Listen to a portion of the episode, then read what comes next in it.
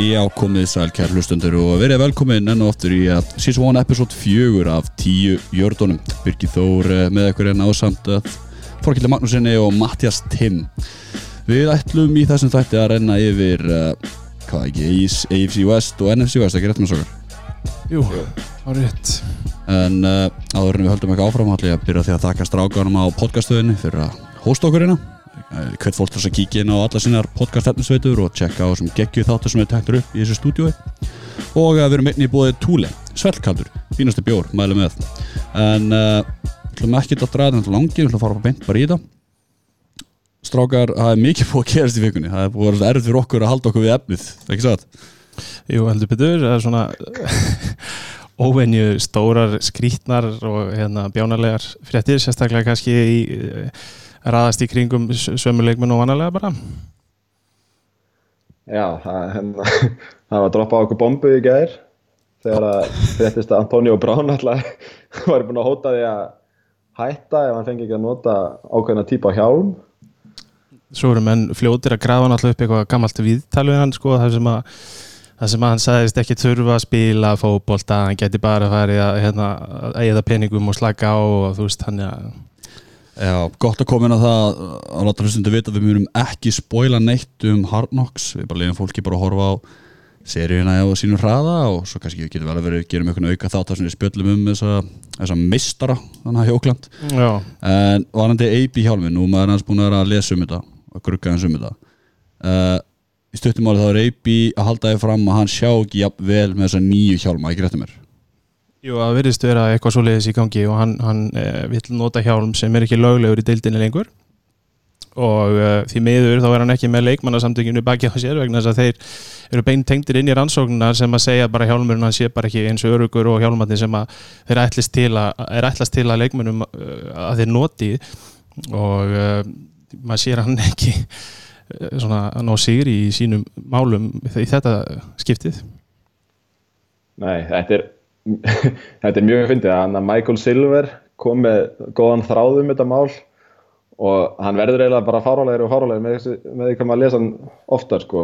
hann reynir hann einhvern veginn að fara með hjálmin inn á æfingasvæðið honum er bannað að nota hann hann reynir það aftur og þá er hann sko búin að lita hjálmin með reytirslitunum en það er ekki rétt gert og þetta er, þetta er sko þetta er mjög skrítið að kafa djúft inn í þetta mál þetta er alveg sko, er þetta ekki sko. er þetta ekki veginn bara að vera að undirstryka það að í hjá stíles og sín tíma þá var vandamáli bara eipi, ekki bara? Jú, við vorum nú eitthvað að reyna að halda því fram að það veri Róðflesberger greið og hérna, ekki það ég ætla að fara að spóila neinu en maður sá nú að það eru börninas AB saknar Róðflesberger sennilega meira heldur en AB sjálfur. Já, fakt En hérna, ég mæli með því samt að fólk skoði en hann 20 tvíta háspennu þráðarna á Twitter því að þetta er sko eins og segir þetta verður eins og óstjórnlega skrítið að hérna, hvernig, þessi, hvernig hann hegða sér þessi maður að hérna, já. Og þetta er atun íþróttamæður í þokkabót eins og með fætunur hans. Það er enda reynda, ég við ekki að það er eitthvað steiktmál það er því að hann fór í einhvern kæliklefa það ekki í vittlisum skóm. Og hann fekk bara blöður undir lappinar Jú og svo var eitthvað að vera að fleita því fram sko að það hefði líka verið uh, hans ákvörun að hann hefði ekki viljað að fara í réttan búnað og eitthvað. Ef það er rétt þá náttúrulega bara þú veist hvað ámaður að segja hvað ámaður að halda um greiði mannin þetta er ótrúlegt. Það var plándunni steik. Ja, Það var sko líka hann, veit ég, ef ég skildi þetta rétt þá æfðan var hann að æfa á strönd í heitum sandi, fekk blöðurur sem að síðan voru með vökva inn í fór síðan í þessa kælimaðferð og vögvin í blöðrunum fröys og þá var það eitthvað svona Já. Eh, út af því hann var ekki rétt um skóm til að verjast þessu og hlumur svo, með... svo maður með reynslu. Já, og það sem er skemmtilegast eða skemmtilegast, svona áhugaverðast þetta er að hann í rauninni gerði þetta sjálfur. Þetta er ekki á vegum Ógland, hann gerði þetta í Fraklandi mm. Þannig að þeir geta sett hann á NFI listan, eitthvað non-football injury list. Já, já. Og Eða þetta getur alveg svaka mál veist, þeir, ef hann síðan getur ekki spilað heil lengi þá þurfa þeir ekki að borgónum fyrir það. Eða borgónum samningin því að hann odlið þessu rauninu sjálfur á vegum sín, eða sín eigin vegum en ekki já, á vegum ekki vegum félagsins. Já, þessi klefar ná mínus 110 gráðum það er svona kannski ráðlegt að fara bara eftir leiðbynningum en er það þá ekki tríður mati, veistu það, veist, bara einn spurning. Ég þekki það ekki. Það Hann- getur náttúrulega verið risastórt ef hann er síðan ekki treyður og, og spilar ekki neitt upp á laun og annað sko, þannig að það er, er ekki allir þessi leikmenn með einhverja tryggingu á bakinu? Jú, örugglega, það er spurning upp á liði Sikkert fótinn og sikkert hendina og allt Herðu uh, Matti, þú varst Nostradamus í síðasta þetti Kólar þetta trade er endar í lok þessa tímbil sem þú kólar þetta Duke Johnson trade til uh, Texans frá Browns, fakt Já, einhvern veginn kom ekkert óvart að hann endaði hjá Houston eftir að þeir letu Donta Forman fara. Hann hérna er svona fantasy hipstera ást sko, þú veist, það elska hann allir út að hann lítur vel út þegar hann fær að spila en svo fær hann ekkert að spila og Já. allir, þú veist, skilja það ekki. En hann er, held ég, mjög fýtt hann hjá Houston. Þeir eru náttúrulega með Lamar Miller sem er svona í besta falli ágætur. ja, Hann er búin að vera vonbrið samt, er svona sem að við Já, byggum, það er Texas svona- byggust um miklu það er við tökum það náttúrulega setna náttúrulega 100% þannig að Já. en hann verður en fín. hann, en, hann er góður að grípa sko og það er hann að Kiki QT mittist um helgina eða á fimmtudaginn. Já, og þeir halda að hann geti bara slotta þar inn sko.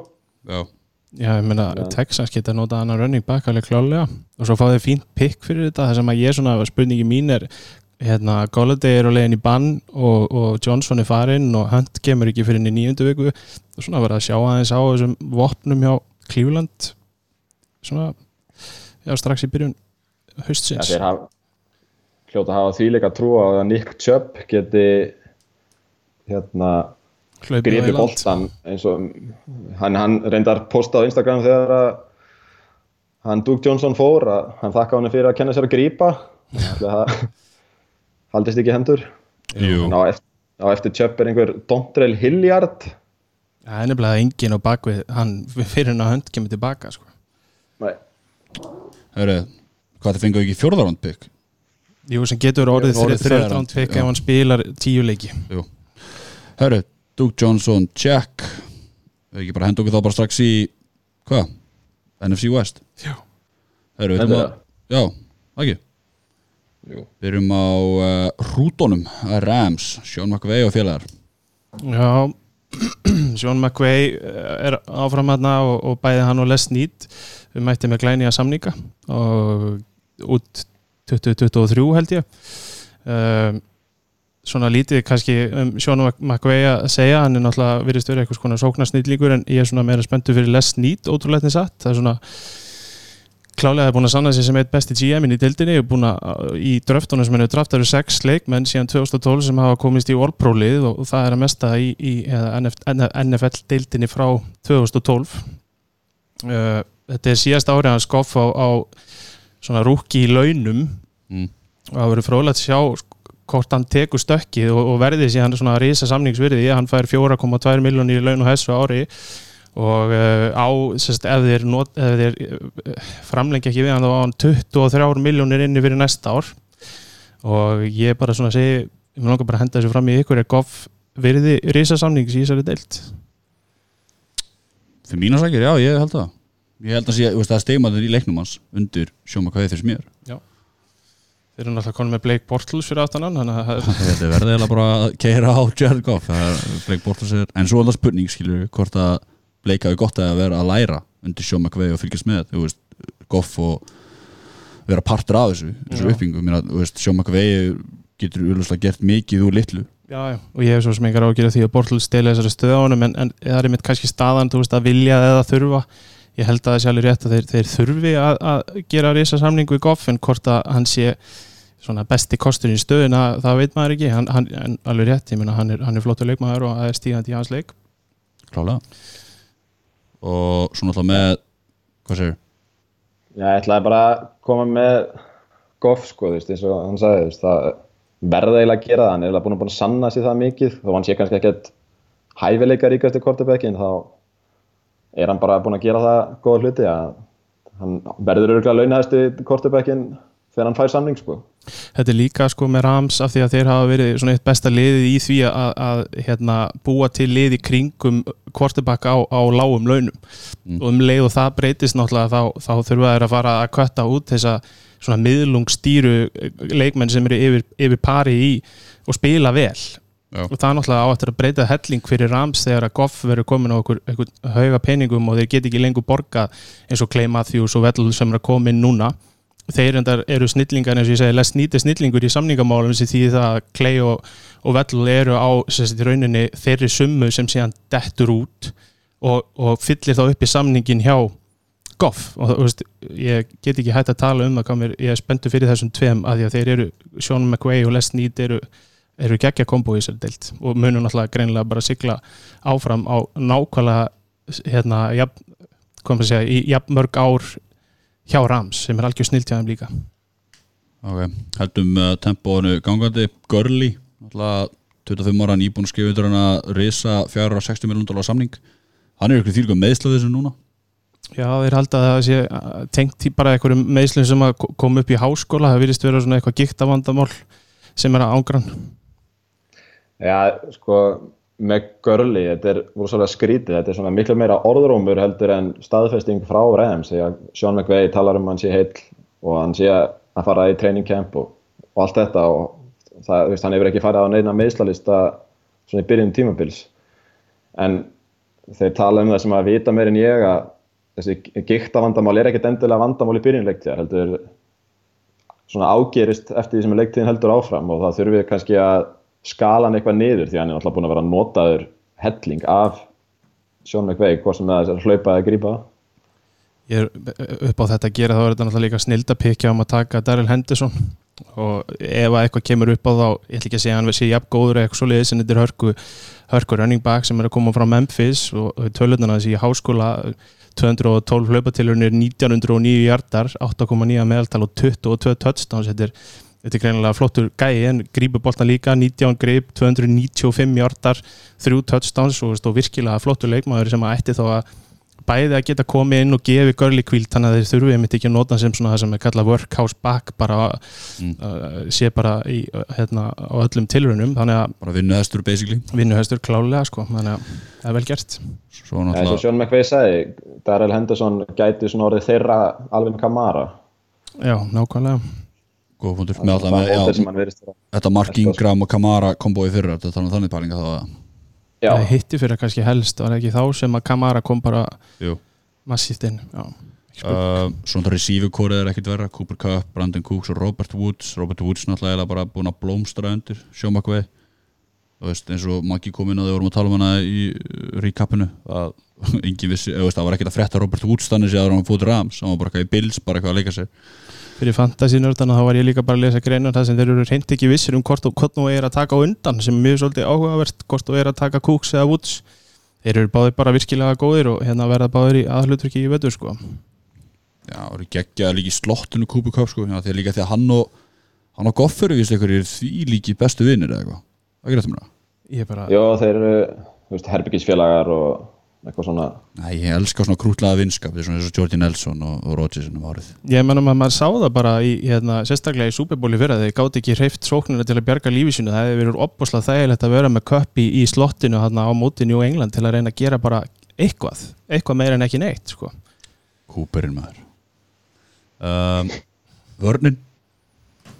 Já, svona einn af bestu defensive coordinators í deildinni Wade Phillips og hann er með hérna, fullt af frábærum leikmunum Aaron Donald er náttúrulega sko, er rísinn í varnalínu hjá þeim og, og var náttúrulega valinn og er sennilega besti varnamæða deildarinnar.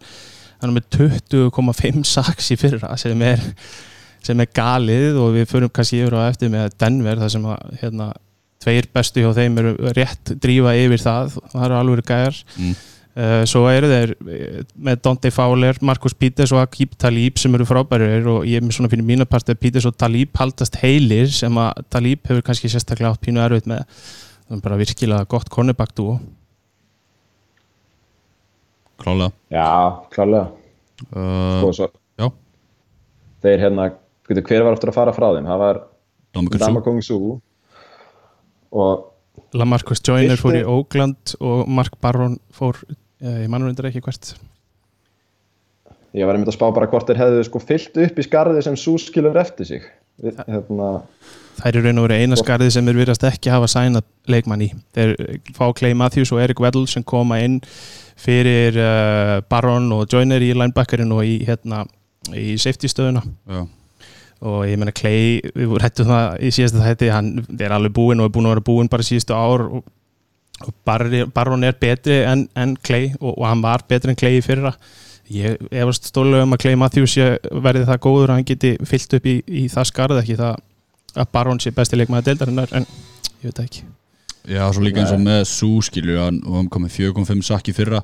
Hann var ekki endilega svona destructive forces sem menn byggur sér við en það er kannski alveg bara hann veist, vera hans á vellinum skilju ólæg með líka þess að tvíman hann skilju ásand því að hafa Aron Donald hinn með hann þannig að nú er, þú þegar hann er farin í burtu þá skapast ákveðin svona svona léttur fyrir sóknarlínuna sem mæti þeim, ekki satt? Jú, það er mögulega og ég er, samt, ég er pínur hrifin af hérna, skiptónum uh, ég er ekki, kannski ekki hrifin af en mér finnst Weddle góður. Hann er ekki eins góður en, og Joyner en Joyner er bara mikið dýrari þannig að ég held að Weddle sé nógu góður til að fylla í það skarð og kosti tölvöld minna sem er kostur fyrir Rams lið Já, Weddle er náttúrulega búin að vera besti safety dildarinnar bara í nokkur ár, hann er náttúrulega orðin 34 ára. Það, hérna, það er, hann fer dvínandi en hann er ennþá veist, hann er ekkert að fara að valda því að þetta lið verði eitthvað lélæra í þessari stöðu sko. Nei, ég held að sé mitt móli. Hann fær tveggja ára samning sem er uppsegjanlegur eftir þetta tímambili ef, ef það, þetta endar íla Það er ekki svona klefakallega? Það held ég, með þetta skegg, þetta er ah, glæsilegt. Hann er mjög skemmtilegur karakter sko. Þannig að myndi segja að bara svona kallmat myndi segja að Remsi er búin að bæta fyrir þess að vanda í fyrra til að vinna eins og til með svarnalega myndi segja það. Ég held að, já, Matti. Kannski, kannski ekkit endilega leikmannhópurinn á bladi en reynslan sem að Sjón McVeigh fekk í fyrra held ég hjálpið þeim rosalega mikið hann alltaf lærið því að taka hann á besta varnaþjálfara allra tíma í Belichick sko. Já. Í súbólu, ég held að þetta hafi verið gott fyrir hann til að bara verða betri þjálfari sem alltaf liði græðir á því hvort sem að liði kannski er ekkert jafn gott á bladi og var en hann ætti nú að bæta það upp bara með því að vera eins og hann er. Nákvæmlega. Er þetta ekki bara klassíska, erum, þeir eru árinu eldri og, og, og reynslunni ríkari. Já, reynslunni ríkari, það voru spennandi að sjá og ég held þeir veri bara á pari eða, eða mögulega aðeins betur en þeir voru í fyrra, ískalt mat. Það má líka ekki gleyma því sko að liðið er núna sko, þú veist, Superból-glöggin hefur líklega aldrei verið jafn opinn og hann er akkurat núna því að það er sko fullt af leikmunum sem að er að detta út á samning eftir þetta tímbil. Dante Fowler, Andrew Whitworth, Akvi Talib, Marcus Peters, Greg Surline sem er náttúrulega bara heit besti kikker í deildinni en er reynda bara kikker en það er fullt af leikmunum sem að þarf að resigna mm -hmm. og svo er náttúrulega goff að fara að detta á að fullta kapspeysi sem er að fara að hverfa hjá þeim basically. Já, sem gæti haldið eitthvað aftur að þeim. Nákvæmlega, herru, moving on. Bara eitt hérna fál, þeir eru strax byrjaðir að gera eitthvað í þessu og fál er, er bara nýbúinarskrifundir samning við Rams framtíðarsamning. Nú, ok. Þannig að það er strax byrjað, fjörið. Það er byrjað að bæta, já, byrjað að tryggja framtíðina. Uh, Cardinals Cliff Kingsbury. Uh, stundum álið síðasta sísun endaði alltaf 3-13 Steve Wilkslottin fara og hann og Josh Rosen voru svona blórabaklanir það er eiginlega ótrútt að Steve Keim eh, GM hafi sloppið þannig að það hefði fengið bara reset. Bara erum við fáum bara nýjan þjálfur og fáum aftur bara hérna, já fáum hérna first round pickið. Þá kemur hérna Cliff Kingsbury fyrir með aðþjálfur Texas Tech uh, og hérna aðþjálfur hann var saman með losing record í Texas Tech 35-40 og látið fara. Og samt fær hann að viðtalið í Cardinals og síðan fær hann jobbið þetta er ekki bara eitt af þessum, hérna, þessum ólgu af nýjum og ungum þjálfurum sem allir reyna að finna nýjan sóknar heila sem að geti rifið franchise upp á næsta level, hvað getur mér það? Jú, ég held að hljóta að vera og hann fellur í sama hópa og vorum að aftur ræða í síðasta þætti, hann verður hérna með, með uh, Zach Taylor og, og, og uh, honum hjá Browns Kitchens Já. og við rættum það síðast hver verður lélegastur og hann er á hættusvæði, hann er á jærsperringjusvæði þarna og ég sammálaði með Steve Keim háttir fallið hjá þessu blessaða lið og þeir hafa einhvern veginn hefur þeim ekkert tekist að bæta sig á þremur árum. Nei. Uh, Gott að reyna líka að Kingsbury hann þjálfaði Patrick Mahomes 2014-2016 uh, var hann ekki líka með hérna Baker Mayfield? Jú, hann átti einhver luti í honum svona, svona snevil á hluti í honum. Hann, hann, hann er eitthvað skonar quarterback kvíslari. Uh, hann fæði náttúrulega að velja hann uh, Kyle Murray fyrsta valinu sinu þannig að transitioni fyrir Kyle Murray verður ekkit erfiðara. Það verður- mun öðuldra skilur það með þjálfara sem að tekkir en sérst, ég var aðeins að ég ákvæða aðeins að kynna með Cliff Kingsbury. Uh, hann nota svo kallar air raid system sem gengur út á það að sérst, að 75% af kasturunum frekar en hlaupum uh, gengur líka út á svona no huddle skilur þannig að bara þegar play er búið það bara stillir sóknarlýsin upp og allir bara taka stöður og hann bara kalla playin kvartibakinn og hérna offensive coordinator og þjálfarinn besti því hvernig vörnin stillir sér upp og, og geta þá breytt bara með plan B, plan C og etc skilur. Um, hvort það mun síðan ganga upp Chip Kelly var eitthvað að reyna með svona sambarlega pælingar á sín tíma. Ekki, ekki rétt mér. Jú, ég held það. Þannig, þetta er svona þannig er þeir eru ekkert mikið með að vinna með tætendin einhvern veginn. Þetta er bara fjóri vætri síðverar stilla sig bara til að tegja á vörninni og Já. þá á einhver að opnast hvort sem að er, þú veist. Inn í end í rauninni já, og hann er náttúrulega svaka hlaupa gikkur, hann hérna Kyler Murray, þú veist, hann er svona góður að lengja sóknina þegar þess þarf.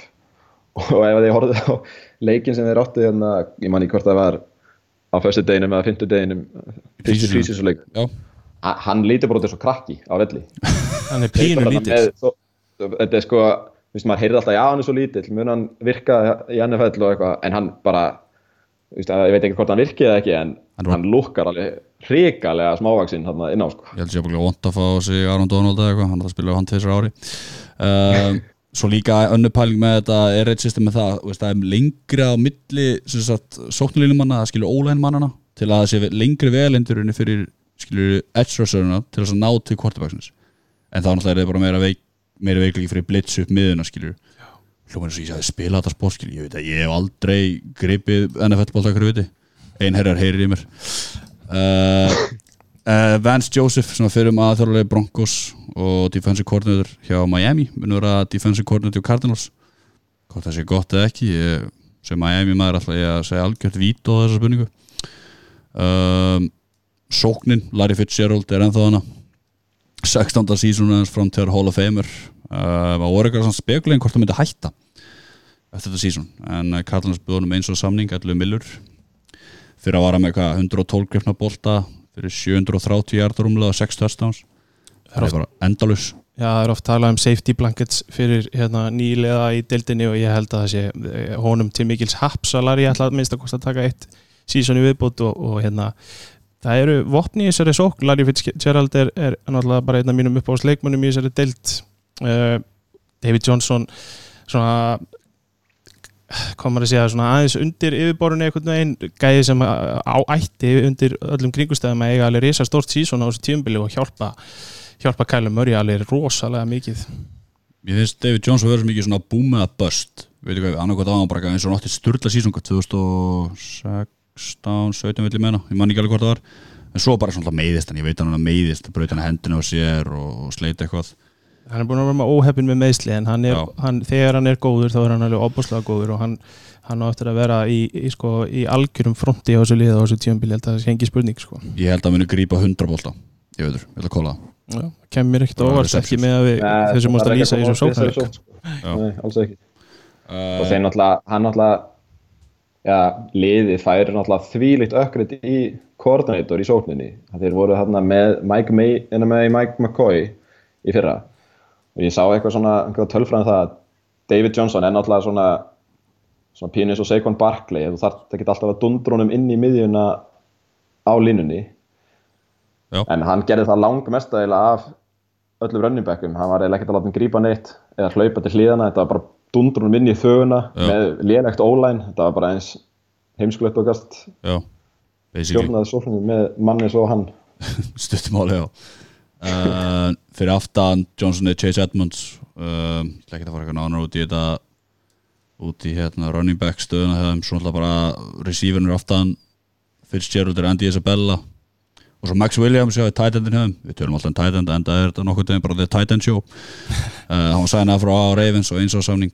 Og Charles Clay kom frá Buffalo og hann er þrítur uh, frá Buffalo tight end veist, mér finnst sóknar vopnir á fyrir kannski Larry og, og David og kannski, kannski Andy Isabella einu sem er spennandi hana Clay getur verið fínt Christian- eins og, eins og Matti sagði á hann þeir nota hann ekki, sennilega ekki, ekki neitt þannig að Já, það sé svona bara, já, solid tight end. En það er samt, við erum að gleyma hérna Kristján Körk Já, jú, Kristján Kork líka. Ég held að sko mér finnst þessi vætri síður að blandast rosalega vel saman sko, Þú veist, Andy Isabella er svona burner, þú veist Mm. bara, hann er ekki stór og ekki þungur þetta er svona Dejon Jackson-ish Já, og meðan að Kirk er svona slott receiver já, og náttúrulega Larry Fitz líka svo er einhver ég veit ekki hvort hann hafi verið draftar í 5. eða 17. í draftinu, Keyshawn Johnson er að vera eitthvað rosalega hæpaður í camp já, þannig að já það geta alveg spennandi sko. en þið voru að tala um að Kingsbury væri svona kannski lélegasti þjálfarinn eða eitthvað, en ég held að hann sé líka með mestu þólimaðina út af því að hann er náttúrulega bara, þetta er bara rebuild núna. Já, hann er samt, maður benda á hitt hann er í einni hann er í vondri stöðu upp á Steve Keim af því að bæði sko Steve Keim er á, síðasta sjans og ef að Steve Keim eru látið fara þá kemur eitthvað nýrinn og hann á eftir að vilja nýjan þjálfara þannig að ég er ekkit vissum að hann eigi neitt rosalega langt reypi til að bjarga sér. Hvað vekk hann langarinn samning Kingsbury, veitu það? Nei.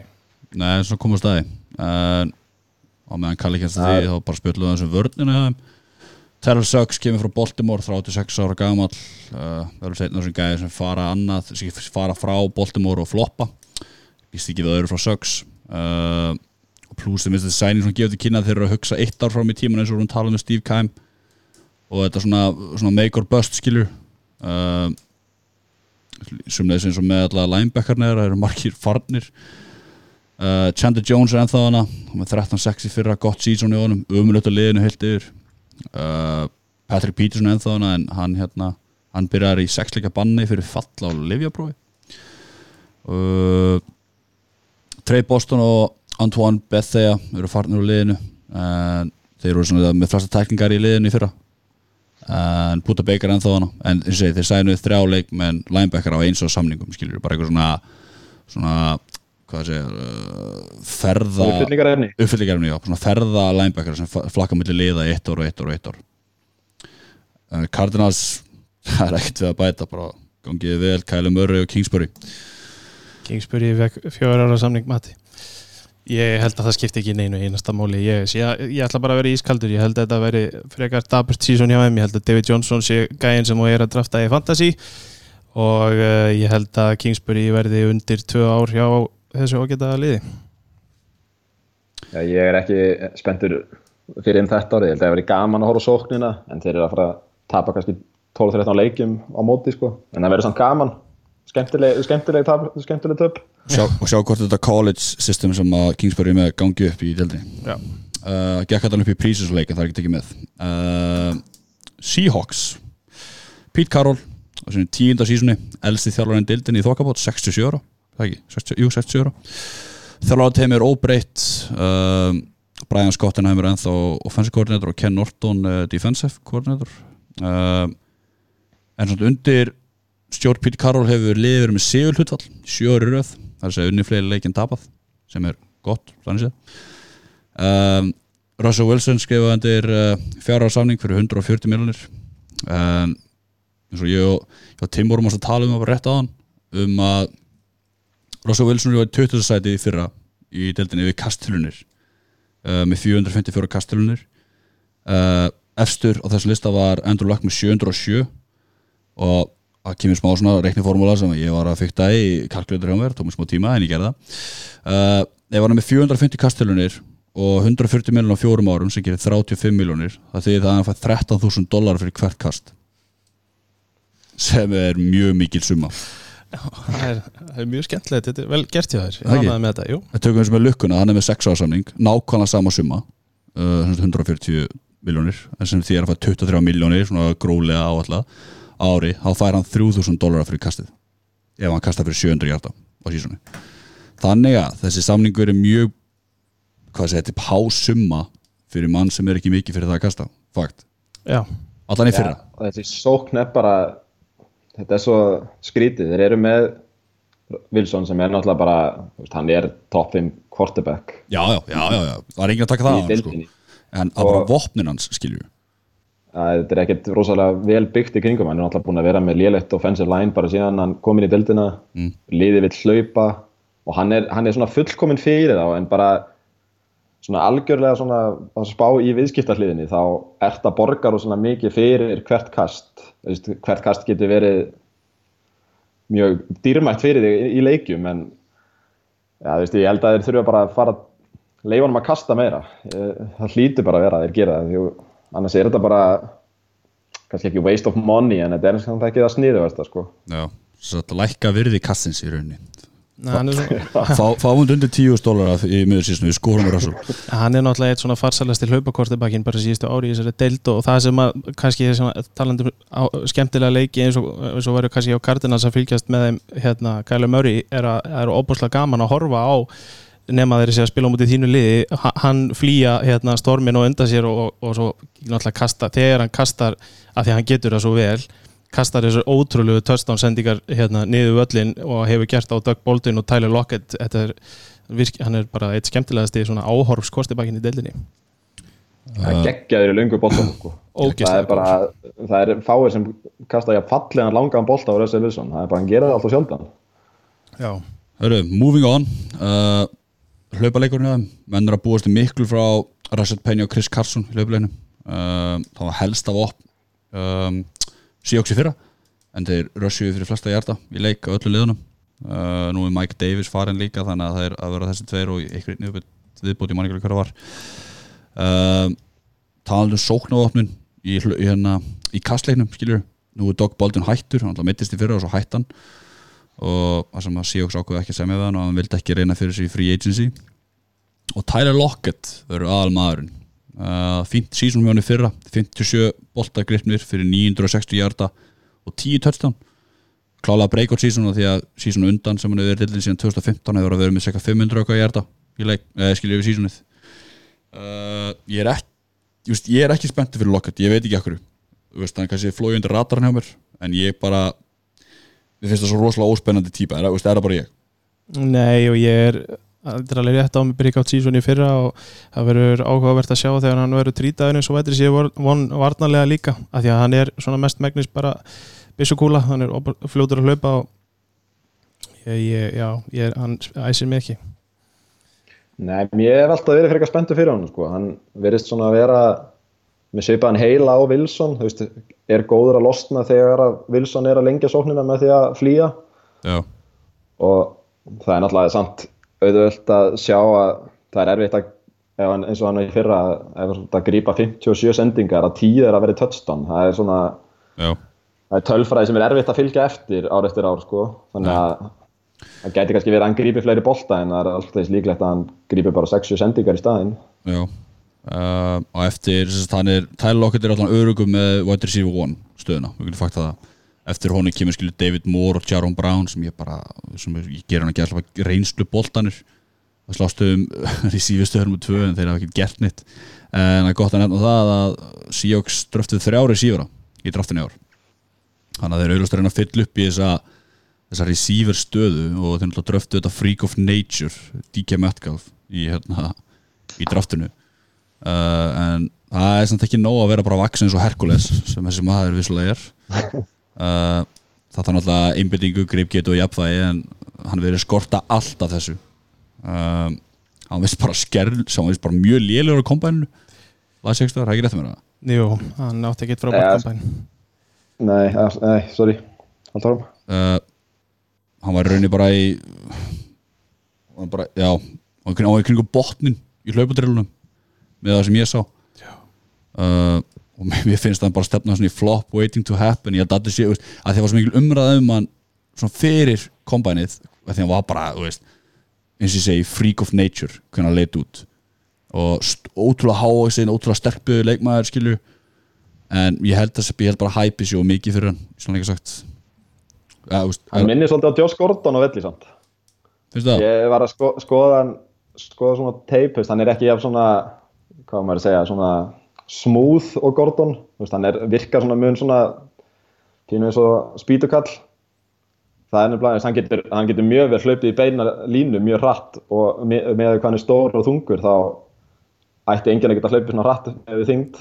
En þegar kemur að því kannski að taka skrappar beigur eða eitthvað, það, Það það. þar er hann ekki Það er ekki, hann ekki góður í beigjónum nei, uh, En er maður ekki kannski frekar að horfa þá til þess að þinn reyni að gera almennilega mann og honum og setja hann í vætri síðu tvö svona að setja hluta tíumbils ég meina hann fjall ekkert smá í draftinu líka, hann, hann hrundi sko úr því að vera hvað, svona top 15 picknir í second round Já. sem að það Það bara lokin á second round. Já, einmitt, bara seint. Þetta var, var mjög skrítið.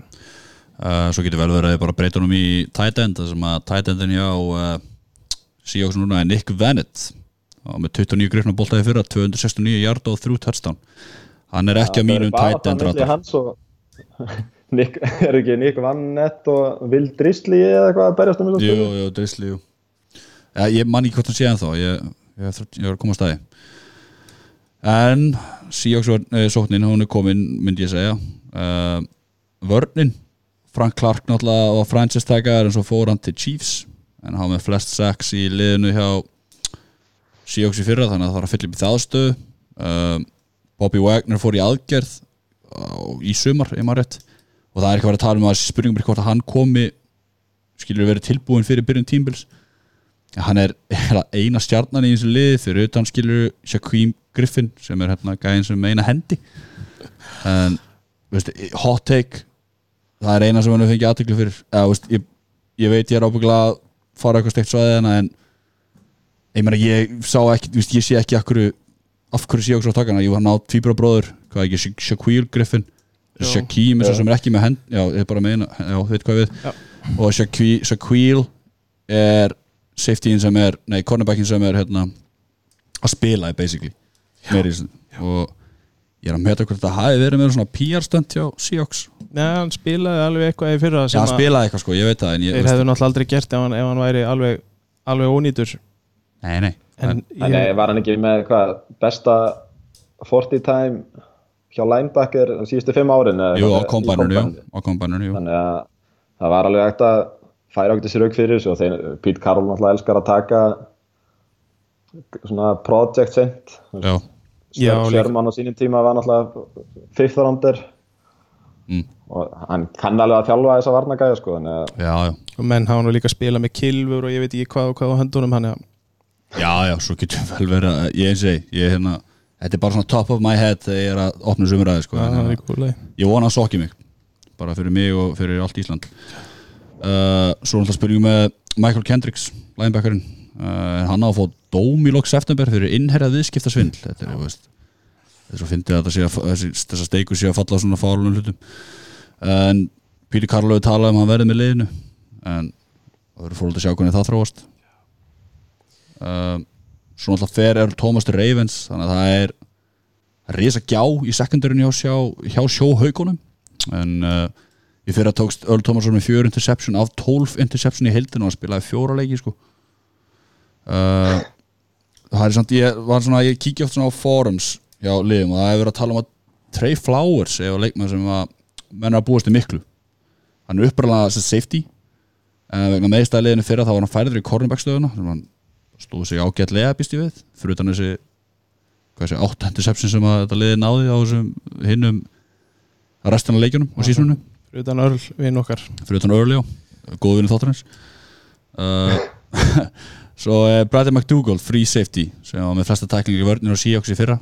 En hann verður áfram liðin á samt Shaquille Griffin sem ég var að ræða hann áðan.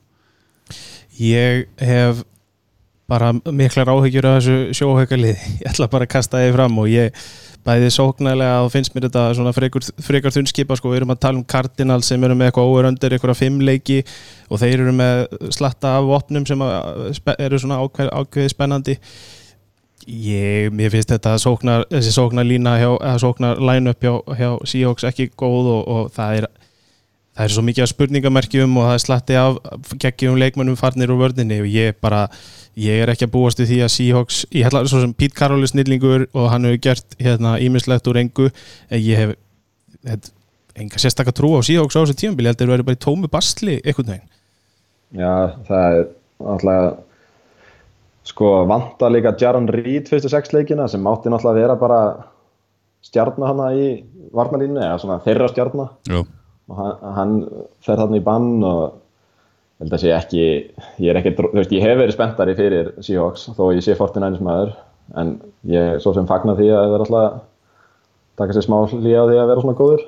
Já, ég meina annarkvort vantar leikmenn í byrjun tímabils eða þá það er möguleiki á að þeir fara í fangelsi seitiljóta tímabils. Þetta er, þetta er ekki, þetta er ekki vannilegt til árangus eins og þetta er stilt upp núna og ég bara ég bara ég, já, ég hef enga stórfældar ágjur af, af Seahawks í þessum reyðli sko En svo hérna hlustundur áttu svo á þú varst um over undersáðan þá starfst þetta sem betting síður eða, Já, já, sorry, sorry, það er sem það sem að betting síðunar áætla að liðin vinni marga leiki á tímabilinu. Cardinals eru með sérst óverandi 5 og, og Seahawks eru sem að mér finnst ótrúlegt með 8,5 Já, þess að þið búast við þess lína neður Já. 8.5 fyrir ákveðin stuðul og undir einmitt ákveðin nákvæmlega og ef að einhver hérna, einhverjum langar að setja penning til framtíðar þá myndi ég setja á undir á Seahawks á, á hérna 8,5 leiki. Ég heldur vinni ekki nýju leiki á þessu tímabili. Ég held að gerist ekki. Það voru búin að fara yfir over under svo næstu þetta munum við tala um Asian Handicap. Uh, það uh, Seahawks eru check Eitthvað, vil ég bæta ykkur við með þetta liða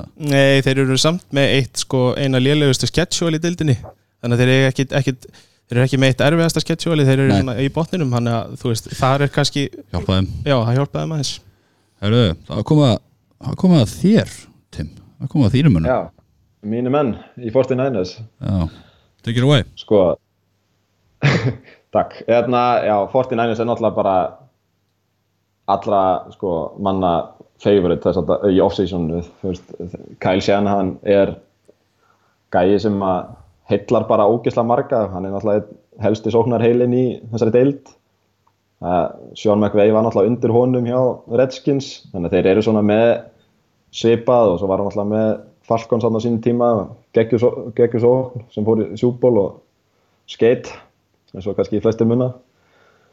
Uh, þetta er samt rosalega áhugavert með 49ers, þeir eru svona lið sem að virðist vera á uppleið og vera rýpilda en það er alltaf eitthvað sem gerir sem þeir ná aldrei að taka skrefi fram á við. Það er bara, ég held að fá lið sem eru búin að vera jafn óöppi meðsli Jimmy Garoppolo var náttúrulega meðist bara í fjórðu viku í fyrra. Já, og liðið samt náða að gera helling með Nick Mullins og CJ Beathard í quarterbackstöðinni.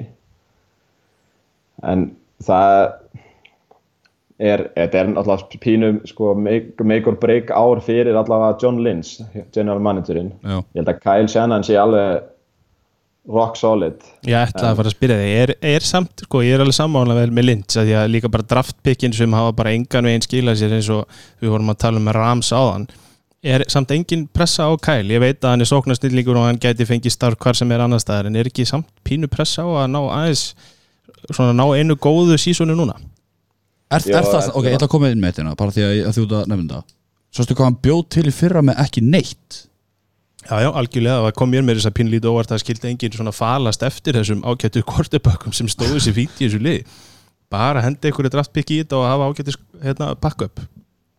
Já, hann náttúrulega bara þarf að hérna, það þarf náttúrulega eitthvað að gerast þarna, þú getur ekki endalist falið á bakvið meðsli og óhefni sko, en hann, þeir fá þarna báðir sex ára samning hann og Lynch og ég held að Kyle hafi sínt það að hann er alveg með þetta hann er ekki hérna, neitt rosalega sko æ, hvernig er orðað þetta? Hann, hann er ekki óurugur með starfi held ég, ég held að sé vörnin er náttúrulega helsta vandamáli þarna. Mm. er búin að vera það. Þeir er að drafta Nick Bosa nummið 2 overall sem að, að margra mati, að flesta mati hafi bara verið besti leikmaðurinn í draftinu. Já, og hann bara hann kemur hann inn í training camp og, og er bara besti varnamæðurinn eiginlega. hann uh, hérna, Joe Staley sem er left tackle bara eitt besti í deildinni, hann er byrjað að spyrja Bosa um tips Já, og síðan fáði náttúrulega D. Ford og þetta er geggjuð varnalína á blaði er D4 lí, D4 líka bestu deildinni? Nei, hann ekki, en hann er góður samt Já, ok og fekk, þeir náttúrulega treyta hann til sín fyrir second rounder Já, en varnalínan er sko D. D. Forrest Buckner sem er að mínu mati vannmennasti varnarmaður dildarinnar já. Uh, Nick Bosa og svo tvö first round pick í Solomon Thomas og Arik Armstead. Hvað er að frétta Solomon Thomas þess að dana? hann, hann er allavega komin í andlegt uh, jafnvægi. Hann er náttúrulega búin að vera í einhverju sálfræði meðferð út af sjálfsmóli sýstu sinna sem að gerist bara rétt ára að var draftaður. Já, já, Ok. Hann hefur lent í uh, alls konar vandræðum. Hörru, hörru, hörru, bíðans, bíðans, bíðans Svellkaldur. Hörru, ok, haldur hann. Ég langar, svolítið að gera það Ég, ég, ætla, ég ætla bara að því að ég ætla að reyna að verja hérna tökuna mína hérna á hann á þessu liði vegna þess að jú, þeir, Kæli sann að hann gerir ágæti sluti með kortibakka sem að kannski voru ekkit mjög spennandi en þeir unnu samt fjóra leiki sko. það var ekki eins og hérna þeir hefðu hérna lendi í öðru seti og rétt mista vælkart sko. Nei, alls ekki Herru, keirum nú aðeins á þetta hérna, Við erum ekki fara að tala meir um eitthvað fjóri tólur eitthvað Se- Hérna, þið fengur alltaf uh, hérna, Kon Alexander, það ekki, réttum mér frá, Já, á, á, Frá og Tampa. En svo er, já, það veist, secondary er bara risa vandamál. Þetta er bara Sherman og svo bara spurningamerki. já, Það eru fullt af gauri sem að svona hafa sínt eitthvað smá sem rúkjar, tók, gerði síðan ekkert á öðru ári og svo, þetta er bara eiginlega bara býð og vona. Það er bara eh, Jimmy Ward, Akello Witherspoon, einhverju svona gæjar sem að enginn hefur heyrt um. En þeir fá samt Jason Varett frá Chargers sem að er alveg geggja talent en er alltaf meittur já, og það er allir sami vörðin af 49ers þannig ég ætla bara í sóknina.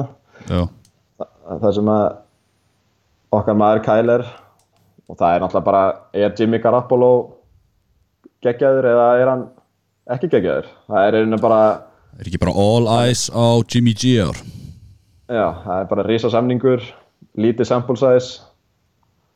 Þú veist, getur hann haldið út heila leiktíð og verið hvað séð, hvað maður að vona? Top 10, 12 quarterback.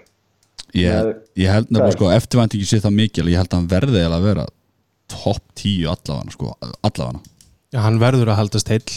Hann, það er gæði sem mér finnst bara hann, alveg rétt þér, hann skiptir öllu máli það eru öllu auga á honum og hann, ef hann helst heill þá er hann, getur hann easily orðið einn af topp 10 kortebökunum í deildinni, klálega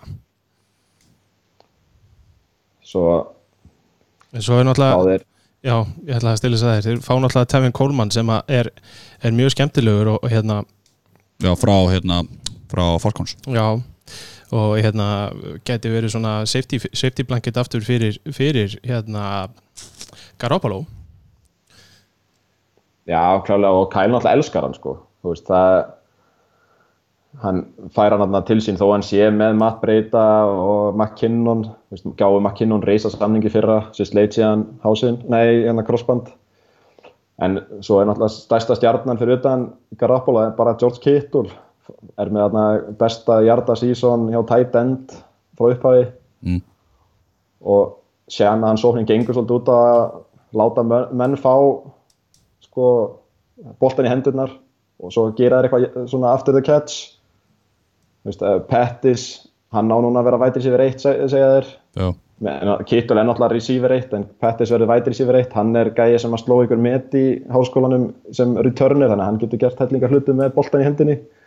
Taka Debo Samuel í second round sem er svona svipaður svona returner tekur slant og skora 80 hjarta touchdown. Gerir það mest af öllum held ég í college. Eða með þeim betri í því. Mm. og svo já, sóknarlínan er ágætt takkulstaðan er solid. Senterinn er allt í lagi en fyrir utan það er þessi gardstað er bara eins og secondary. Þetta er bara reisastór spurningamerki og, sem er bara með einhverjum gaurum. Heldur að Kittur verið jafn explosive í árun sem verið fyrra? eða? Já, hann alltaf var alltaf svo eini sem var að vera að kasta til í fyrra skilur og var svona safety blanketið nokkuð vinni fyrra. Heldur hann að Já, jafn ég- mikið ég held að hann verði sko pínu öfugt við hérna hann Lockett hjá Seahawks.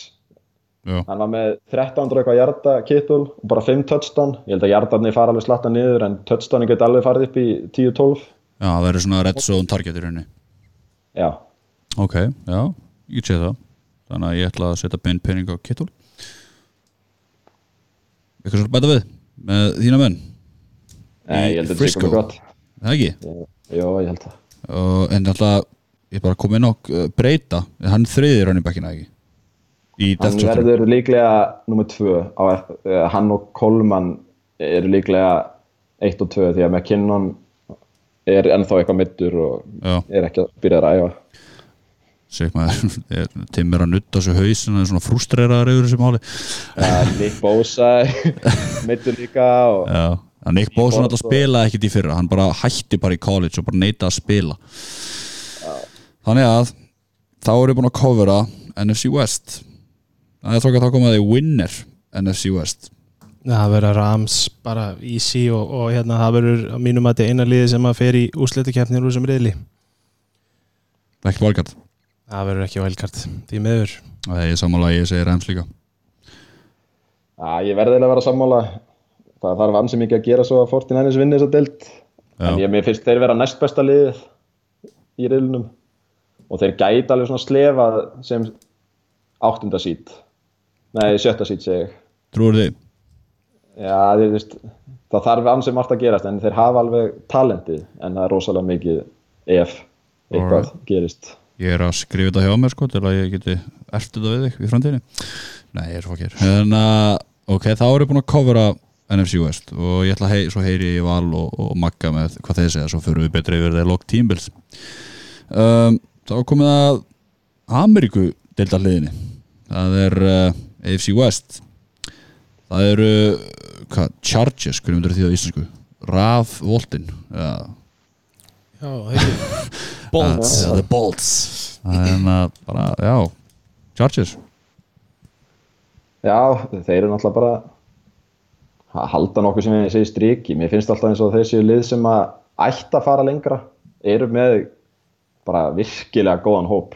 Bara mér finnst þess að það sé maður í hverju stöðu og, og hérna, backup líka sem að er allt í lægi það er, ég veit eiginlega ekkert hverju þetta gengur svona illa. Þeir eru náttúrulega klúðra alltaf leikjum á einhvern ótrúnan hátt. Já. kikkerinn klúðrar eða eitthvað. Mm. og hann er þannig ennþá Anthony Lynn sem þjálfari liðsins. Hann virkar sem svona no bullshit gæi Já, svona leader of men eins og þau segja. Já, og ég var að lesa einhverja greinum hann og þeir voru að hrósa hann fyrir hvað hann er duglegur að breytast. Það er, svo- vill oft vera með þess að þjálfari NFL að þeir bara eru með sína hugsun og hún bara, það er bara hún eða ekkert Já. hann er alveg tilbúin til að breyta sér fyrir hag liðsins, sko nákvæmlega uh, Chargers hérna, er svona lið sem er líka með risakall í öllum sóknastöðum. Þeir eru með Philip Rivers í quarterback, þeir eru með Keenan Allen í wide receiver, Hunter Henry er að koma aftur inn sem að er frábært tight end og kemur inn eh, eftir meðsli síðan í fyrra. Og svo eru þeir með ef að Melvin Gordon ákveður nú að spila á þessu tímanbili frábæran running back og svo fyrir aftan hann mjög góðan backup líka í Austin Eckler.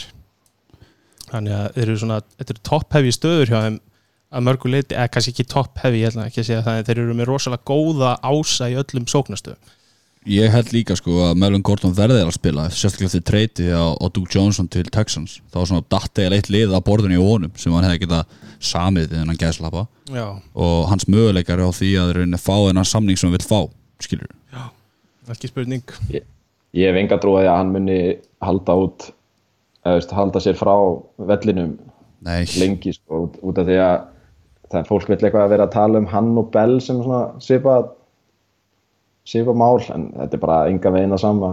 Var náttúrulega bara ekki á samning teknilega séð.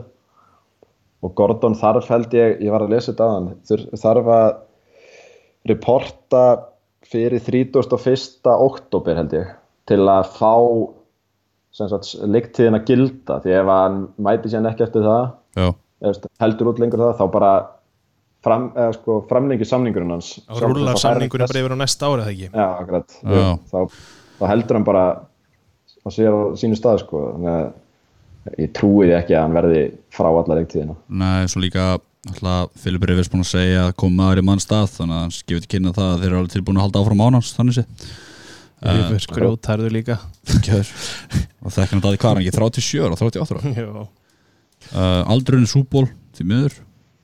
Uh, átti gott ári fyrra fjúst hjartar, 32 touchdown og 12 interception uh, hann er svona hann er, á, hann er ákveðið villisingur hann er svona, hann er grallari, ekki segja grallari. Svona flippari, svona flipp pappi Já, Philip Rivers er einn af, Ja. einn af mínum sko, Maggi er ekki hrifun á honum skildist mér síðast þegar við rættum Philip Rivers hann er einn af mínum samt upp á sleikmennum í þessari deild ég hef rosalega gaman á honum. Nýju batna fæðir og allt það en, en þetta er bara svo hörku hörku gæi, hann getur náttúrulega ekki hlaupið til að bjarga lífi sínu, hann leggst bara niður um leið og pressan kemur, en hann er sann grótarður hann, hann tekur alveg höggunum eins og maður þegar þau koma og stendur upp og spilar áfram og svona gæi sem að, að vantar aldrei Philip Rivers, hann spilar alltaf svipað eins og Ben Roethlisberger einhvern veginn.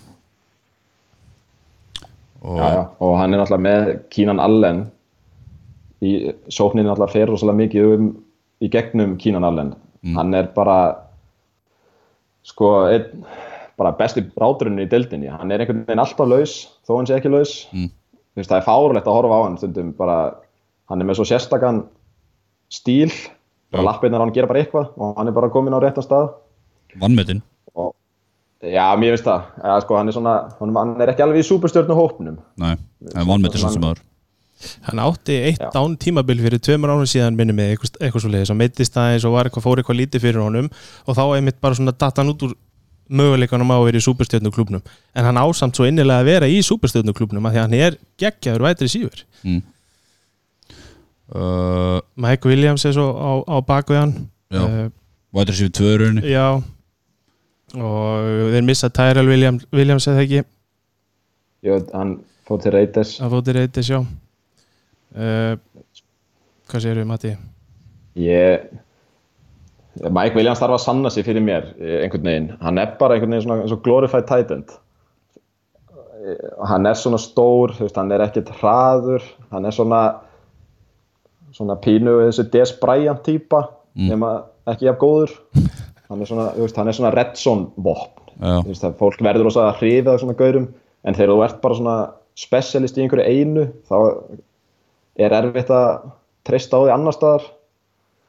Hann, við vorum að tala um að Lockett á hann væri með eitthvað 57 grip og 10 touchdown. Já, hann er sko með 44 grip á síðast tímbili og 10 touchdown. Þetta er sko tæplega 25% af gripunum hans eru touchdown. Það er, það er aldrei að fara að halda áfram.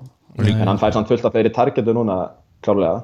Já, og mér, sko, mér finnst það svo bara þegar þú segir nafni þá hugsa ég svona big play player veist svona minningana það eru allt svona eitthvað launghlaupnu við öllin og Philip Reyes bara ríktorum í lofti og allt í nöfu var bara Michael Williams mætti bara. Er það byrlaða? Nei, svona bara svipað með Tyler Lockett og, og Seahawks.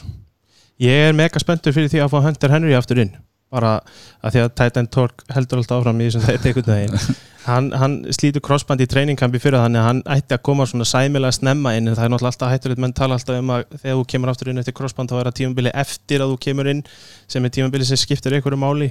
En hann gætur alveg hrikalega mikilvægur að, að því að Antonio Gates er náttúrulega var en eldri en sólin hann 40 ára gammal og hérna ég held að þetta verði hérna, já, bara í touchdown gripunum já. Já, uh, þeir, Hvað sér? þeir eru bara mér finnst þetta bara, ég er hrifin af þessu liði sko. það er eina vandamáli núna verðist vera í sókninni bara Robert O'Kung hana, left tackle þeirra hann er hann lendi í ykkur blóðtaparuglu um daginn og er, verður frábara þangur til að það jafna sig. Og það er engin þannig séð sem að kemur í hans stað svona taklustæðin er svo mikilvæg og það er erfitt að vera með tvo left tackle sem eru góðir. Já, það er bara erfitt en línan er samt fín. Mike Pouncey náttúrulega sem center svo er þarna Michael Schofield, Dan Feeney og Forrest Lamp í gardstöðunni mm. en ég ætla ekki að fara dýbra í það þeir eru bara ágættir þetta er bara fínt. Já, bara til Fín að slúta þessu fyrir Filip Rivers þá náttúrulega bara skipti máli að sóknarlínan haldi eins og ég segi, hann, hann er ekki að fara að hlaupa sér frá vandræðum, Nei. En hún verður að halda á típili uh, Vörnin. Það lang, bara er ekki besta vörnin bara á blaði? Ekki bara? Já, með, jú, alveg. Með þeim betur, með allar- alveg með þeim bestu. sko. Já, klart. Það er svo- náttúrulega með Joey Bosa hana Já. Með honum er Melvin Ingram. Þetta sem veit það ekki þá er Joey Bosa eldri bróður Nick Bosa. Já, það rétt Já, þarna- algjört skrýmsli algjör skrýmsli sko. Sko, og sá sem er með honum í passröðsinu, Melvin Ingram það er gæði sem að gæti verið bara aðal passröðsinu hjá fullt af liðum sko. Hann er bara, þeir eru báðir geggjaðir og, og svona komplementa hvern annan mjög vel. Já, og sko fyrir aftan þá eru Thomas Davis sem mættu frá Panthers maður sem við allir heldu ef við erum búin að horfa All or Nothing þá held allir að hann vera að hætta eftir síðasta tímabil en kemur síðan og ákveður að semja við Chargers Já. Ég vissi það ekki til mér Það er óhugavert. Það er vel gert. Að mæli með því að horfa á All or Nothing. Og var skemmtilega sísón í, season í ár. Hann fenn nú hana, ekki svo mikið fyrir honum annað en að banki ykkur að menn sem að honum fannst ekki vera nógu duglegir að æfa. Já, maður sér einmitt það sem hann gæti komið með til Chargers, þessi þetta leadership, hann er kannski ekki besti linebackerinn í dildinni en hann er þvílíkur leiðtói fyrir bara alla vörnina. Já, og þeir eru þarna hann og Denzel Perryman Mm. Perryman er svona rönnstoffer linebacker sem að hérna, reyndar er ógjóðslega mikið mittur því að hann er bara svo harður á sér. Veist, hann er ekkert að grínast þegar hann er í vörninni og missi bara leikjum þess vegna. Svona alltaf kornubakstaðið þeirra bara, en dýpir dildinni Já, já, Casey Hayward er náttúrulega aðalmaðurinn þarna. Mm. og með honum eru Trevor Williams Desmond King hefði munið eftir honum hann var eitthvað að fá svaka hæpi fyrra fyrir að vera svona slott corner sem er náttúrulega í tísku núna. Já. Og Dervin James alltaf safetyin hann er bara segja, besti safety eldar en þreitt ár 105 tæklingar 3.56 og 3 interception. Hann er geggjaður. Já. það er ógeðslega gaman að horfa á hann. Og ég held að hann hafi verið stíldraftins í fyrra sko. Já það, já, hann hvað var datt, eða var þú veist haldið að hann færi top 5, top 10 dættu svona yfir í 16 mm. Og svona lið á ekkert að fá svona góðan mann sko. Það er bara bara punktur. svindl. Já, Herru, eru ekki bara spennt fyrir Chargers, punktur eða? Jú, þetta er bara svo litli ár eftir ár eftir ár og svipaðir og bara, já. Já, þeir þeir náttúrulega æld á sig þannig um árið og hérna fenguðu hana Joey Bosa og í, draftinu og svo bara ákveður og bara mjög góður. Fakt. Um, Færum okkur frá Chargers frá Los Angeles Chargers. Yfir til Denver. Það er Broncos, það eru s- hvað, stóð hestanir. Ekki þetta nára Jú, ég það. Eru fólanir ég, ég fór eitthvað að kynna mér og ég verði eiginlega að segja að þetta er ekki mitt uppáhaldslið. Ég var ekki var ekki spenntu við að fara yfir þetta. Það er ekki mikið að stórum gaurum hann ef að- villir væri gætna það mynd Ertu að segja mér að Joe Flacco sé ekki elít eftir hann að koma inn á það? Já, ég, já, mér til að þú myndir bara sjá um þessa elítu umræðu. Já, hann er alltaf búin að þjálfara breyndingarna þannig að Vance Jones er látið fara. Já, Vic Fangio tekur við eftir að verið þannig að stjórna vörninni á Bears. Og já, hann tekur með sér Rick Gangarello sem var quarterback coachin á 49ers og hann á að vera offensive coordinatorinn. Fyrsta, hvað heitir hann, Gary Kubiak vildi ekki fá þessa stöðu. Uh, það, veist, þetta er náttúrulega bara svona Sean McVay, Kyle Shanahan gæi, þarna, offensive coordinatorinn. Já, fekk hrós fyrir að gera alltaf þessa quarterbacka reddi hjá 49ers já. Uh, þetta er náttúrulega bara liðans John Elway hann virðist ekki vera valtur í sessi sko, sama hversu honum gengur að finna quarterback. Þetta er aftan náttúrulega Drew Lock núna sem á að sitja fyrir aftan Flacco. Og ég er ekki spenntur fyrir hvorum þeirra. Þetta, ég held að þetta verði bara tvö ára einhverju meðal Bara miðjum móði. Já, ég veist, þeir, ég, ég finnst þeir einhvern veginn ekki nógu lélegir til að geta droppa sér í rebuild, Já. fengi gott pick og ekki nógu góðir til að fara í playoffs. Þeir verða bara hana í 15, 16, eitthvað. þeir gætu verið leiðilega li liðið í alvörinni, þeir gætu verið liðið sem að eiðilegur fyrir hinnum það er eiginlega það sem þeir gætu orðið ég er alveg sammálaðir, þeir verða eitthvað staður svona í miðjumóði en gætu líka alveg hyrt sigur að hinga og þanga og skemmt fyrir öðrum að því að þessi vörn er ekkert grín sem að sko ég mikill Vik Fantjó maður og hann á eftir að lifta þessu varnali held ég upp úr öllum upp í eh, hæstu hæðir sko. En eitt með Vic Fangio, vissu þið að hann, að bann, hann hefur ekki tónlist að æfingum já, vissu þið það? hann Já, er Hann gammal skarfur. Af því að hann heldur því fram að því að, hva, hvernig var hann, hann sagði You don't have music when you're playing the games eða eitthvað skiljur, það var eitthvað svona dæmi. Þannig að vill frekar að menn séu það einbyttir að þið séu ekki að pæla ykkur tónlist. En nógu um það. Uh, höldum áfram að tala um þetta æðislega bronkóslið running back staðan, það er endar er ég er spennt fyrir henni, Philip Lindsay ég er spennt að sjá hvað hérna verður úr honum á sinu second seasoni. Ekki það? Já, ég, ég held að hann gæti bara verið svona one season wonder. Í einhvern veginn hann þarf einhvern með sér held ég. Út af því að hann er bara ekki byggður fyrir það að vera svona workhorse. Og það er náttúrulega Royce Freeman með honum sem átt að vera aðal rönnibekkin í fyrra Já, en gerði ekki neitt. Eða eitthvað mjög takmarkað.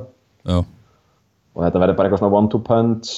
Ég held að hann hafi verið að tala um það hérna, þetta gæti svona verið Tevin Coleman, Devonta Freeman til að hana, eins og í Falcons Já, fórðum daga. Svo Já, náttúrulega svo er þetta bara einhver, eitthvað lið sko, Sanders kemur hann í vætri sífurinn Já, það er að jafna sig á eftir að slísa, slíta hásinn. Svo eru svona eiginlega spennandi gaurar með honum. Að Sutton og Dejan Hamilton. Já, Chris Sutton var svona hérna, fantasy hóp í fyrra. En voru svolítið að drafta hann og vona hann er eitthvað. Ég held að Sutton gæti verið mjög góður vætri sífur á þessum tíumbili ég hef alveg trú á honum, ekki spurning.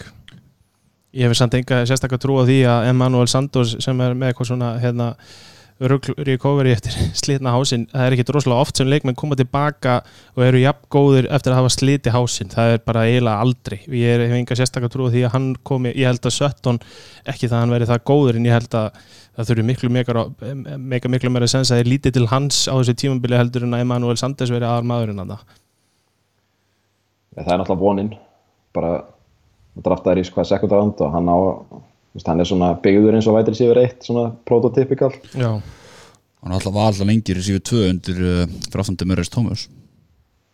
Þannig að kom bara þarf eitthvað að stígu upp bara next með hann upp í rauninni. Uh, upp á staðan okkar, tight end staðan Julius Thomas beilaði fyrir peninguna. Já hefur ekkert getað síðan þannig að engar áhyggjur af því. Uh, ja, þessi staða er bara búin að vera tóm í rauninni já, síðan hann fór með, hann alltaf var geggjaður með Peyton Manning og það er kannski meira Peyton Manning að þakka heldur en Julius Thomas. Já, ekki spurning. Uh, Nóa Fant er að koma að inn. Já, á draftinu Já, ég veit að Mattias er gríðarlega spenntur fyrir Nóa Fant. Ég, svona bæði og sko, hann er náttúrulega var geggjaður á kombæninu mm. hann var bara Gronk, George Kittle level í kombæni bara en hann er samt ekki jafn góður að blokka þannig að Hann á er eftir að þurfa að svona- grípa ansi marga bolta frá Joe Flacco, vinn okkar.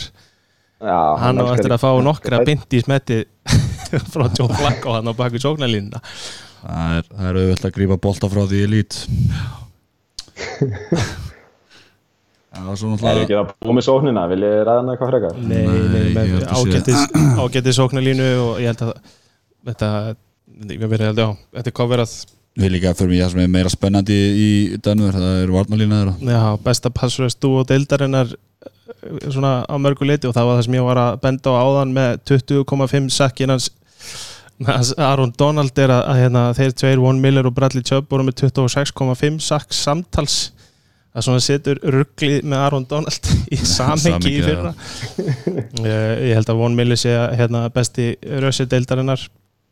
Og hérna svona er alltaf að bæta við sig bara hann er endalust að bæta sig og, og, og engin ástæð til að halda að þetta veri eitthvað down season hjá þeim tveim ég held að sé honum til mikilis haps líka að þessi komin Bradley Chubb sé komin inn hinum megin á línuna það svona tekur double teamið svolítið mögulega af honum af því hann er náttúrulega bara döblar í hvert ennasta skipti sem hann þegar hann var bara eitt sko. Já. Þetta er nefnilega bara virkilega fín vörn, kannski ekkert eins og hún var hann þegar Manning vann Super Bowlin en þú veist, Derek Wolf er ennþá þarna. Mm, hann er samt bara verið af niðurleið út af meðslum já, ég þekki engan af linebackerunum þeirra. Nei, sammála því. Todd Davis, Josie Jewell Alexander Johnson og Justin Hollins. Ég var endilega til að vita hvort einhver hafi heyrt um þess að menna á þar og endilega kommenta á Facebook eða eitthvað. Vic þetta Fangio, hann hefur hýrt að þessum mönnum á er þetta ekki bara er þetta ekki bara eins og hérna hjá Cardinals bara svona ykkur gæjar bara settir inn þess að fylla upp í hólunar eða svo má segja það. Ég held það. Ég, ég er veginn nefnt ekki að kenna mér það sérstaklega sko. ég var bara meira í passrósinu og Já, það er svona Chris Harris er náttúrulega bara eitt besti cornerback deildarinnar við erum að tala um það sko að hann hefur fengið á sig 644 sendingar á ferlinum og bara 10 vætri síður að hafa skorað á hann touchdown. Þú veist, þetta er fáralegt það er ótrúlegt. Svo var hann í bölvuðu bastli með að hérna, rífast upp á samning við á sínum tíma líka. Menn voru að tala um að þeir myndu treytunum í purt og eitthvað svo leiðis, hann ætla bara að della. Algjör della og ætla að vera með varnali að ætla að vera að losa sig við Chris Harris ég er alveg samfólaðir, hann bara eitt svo stæst í þessari deilt já, svo er hérna safety staðan. Það er svona, það var eitthvað bland í póka í fyrra.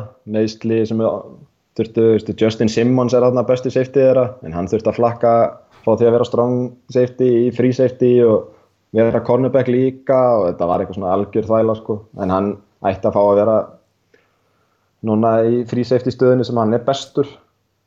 Fá þarna Kareem Jackson frá Houston sem getur verið safety og cornerback. Er, það er verið að bæta hlutin aðna Já, Bæti í það Eitthvað uh, Eitthvað sem vilja bæta við með Broncos eða? nei. Ekki bara krossa prutta og vona að Joe Flacco gera eitthvað hana Herra, það er Raiders. Það er uh, John Gruden og félagar.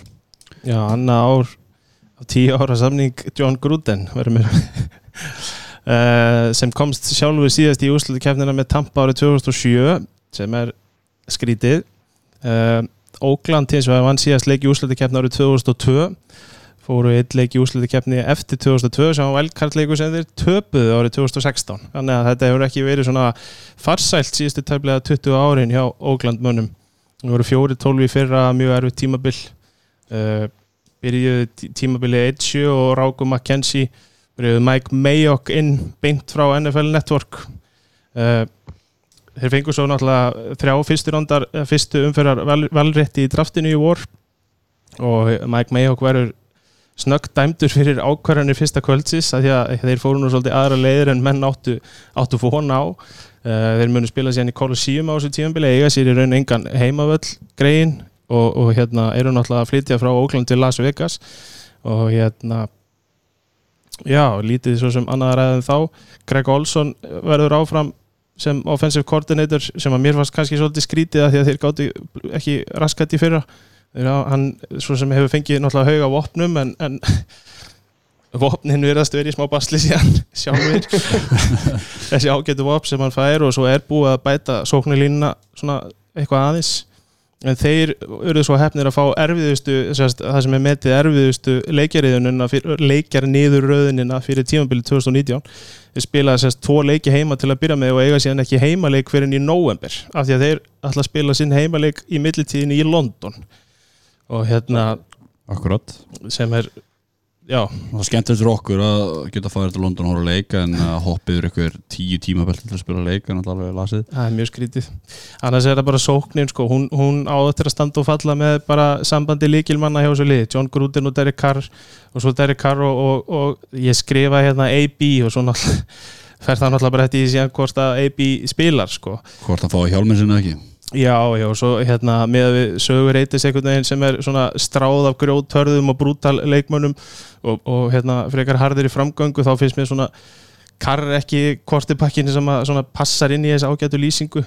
Hann er svona frekar mjúku maður og rýfur ekki mikinn kæft og hérna hann er ekki, ekki maður sem að lemur sér á brjóst og, og rýfur menn með sér einhvern veginn, það er svona mín, mín tilfinning fyrir honum, sitt síns hverjum og allt það. John Gruden hins vegar er, er, er akkurat öfugt. Hann stendur hérna og tekur í spaðan og öllum og í, á fjölskyldunni og börnunum og, og hérna er allur í kjæftinum og, og hérna uh, þeim tveim hefur lent saman á hliðalínunni og á æfingum og það kæmi engum held ég sérstaklega óvart ef þetta samband föðurar bara upp hans er hatt sko. Já uh, að búa bæta samt í sóttunni á Kar uh, færa hann að Josh Jacobs ekki Josh Jacobs. Jú, Ronny Becky frá Alabama uh, Svo náttúrulega í fyrir alltaf treyta er Amari Cooper frá honum. Og það hann alltaf AB í staðin og ég gerir smá svona skiss við hérna. ACDC yfir í ABCD þeim með að gefa þessu einhvern eftir þáttinn hvort þið komast að finna það ekki. Uh, Jared Cook er líka farin frá þeim Titandinn uh, svona það sem að hvort ekki, hvað er hann, Darren Waller er Darren Waller verður tight end 1 eins og depthjast er núna og svo er það hinn stórkostlegi Luke Wilson sem er að koma frá Seahawks. Þetta er ansi hátt fall. Ég er Jared Cook gerði fína hluti með Packers á sínum tíma og er farin til Saints. Ég, ég er ekki sérstaklega spenntu fyrir þessu en þeir eru að fá bæði Antonio Brown sem við sjáum hvort spilar og hérna eh, Tyrell Williams er líka topp sóknarvapn og ég er ansið hættur um að Tyler Williams þurfi ef að þetta allar að halda áfram svona að vera vætir síður eitt hjá þessu liði.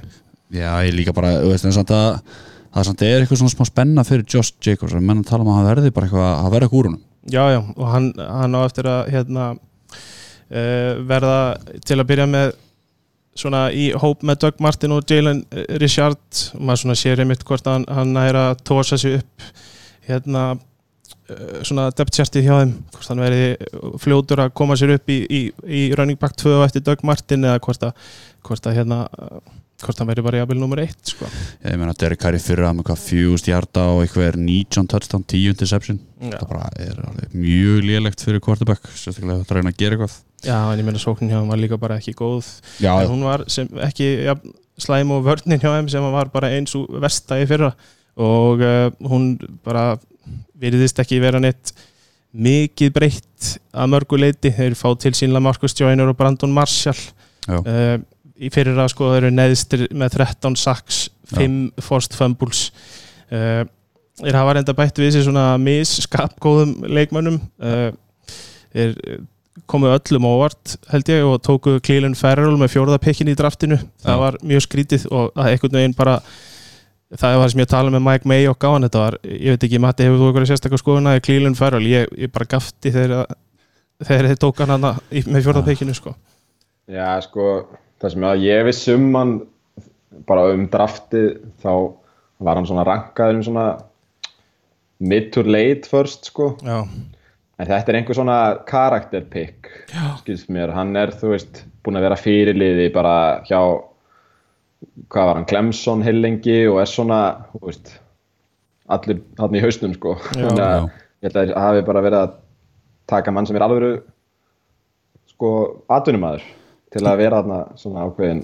Munum líka eftir að þeir hérna, bæði bönnuðu öllum skátunum að vera í, í stríðsherbygginu á, á drafti og svona hvað voru ekki sendir heim allir á sínum tíma líka? Þannig að þeir veist, að greinlega er ekki skátingtímið sem er að velja Cleveland Farrell nummer fjögur heldur er það John Gruden og Mike Mayock sem er að taka hann á þessum stað sko. Já, akkurat. Hann er náttúrulega verður bara með öll augu á sér fyrir vikið og það er eins gott að hann standist þessa pressu.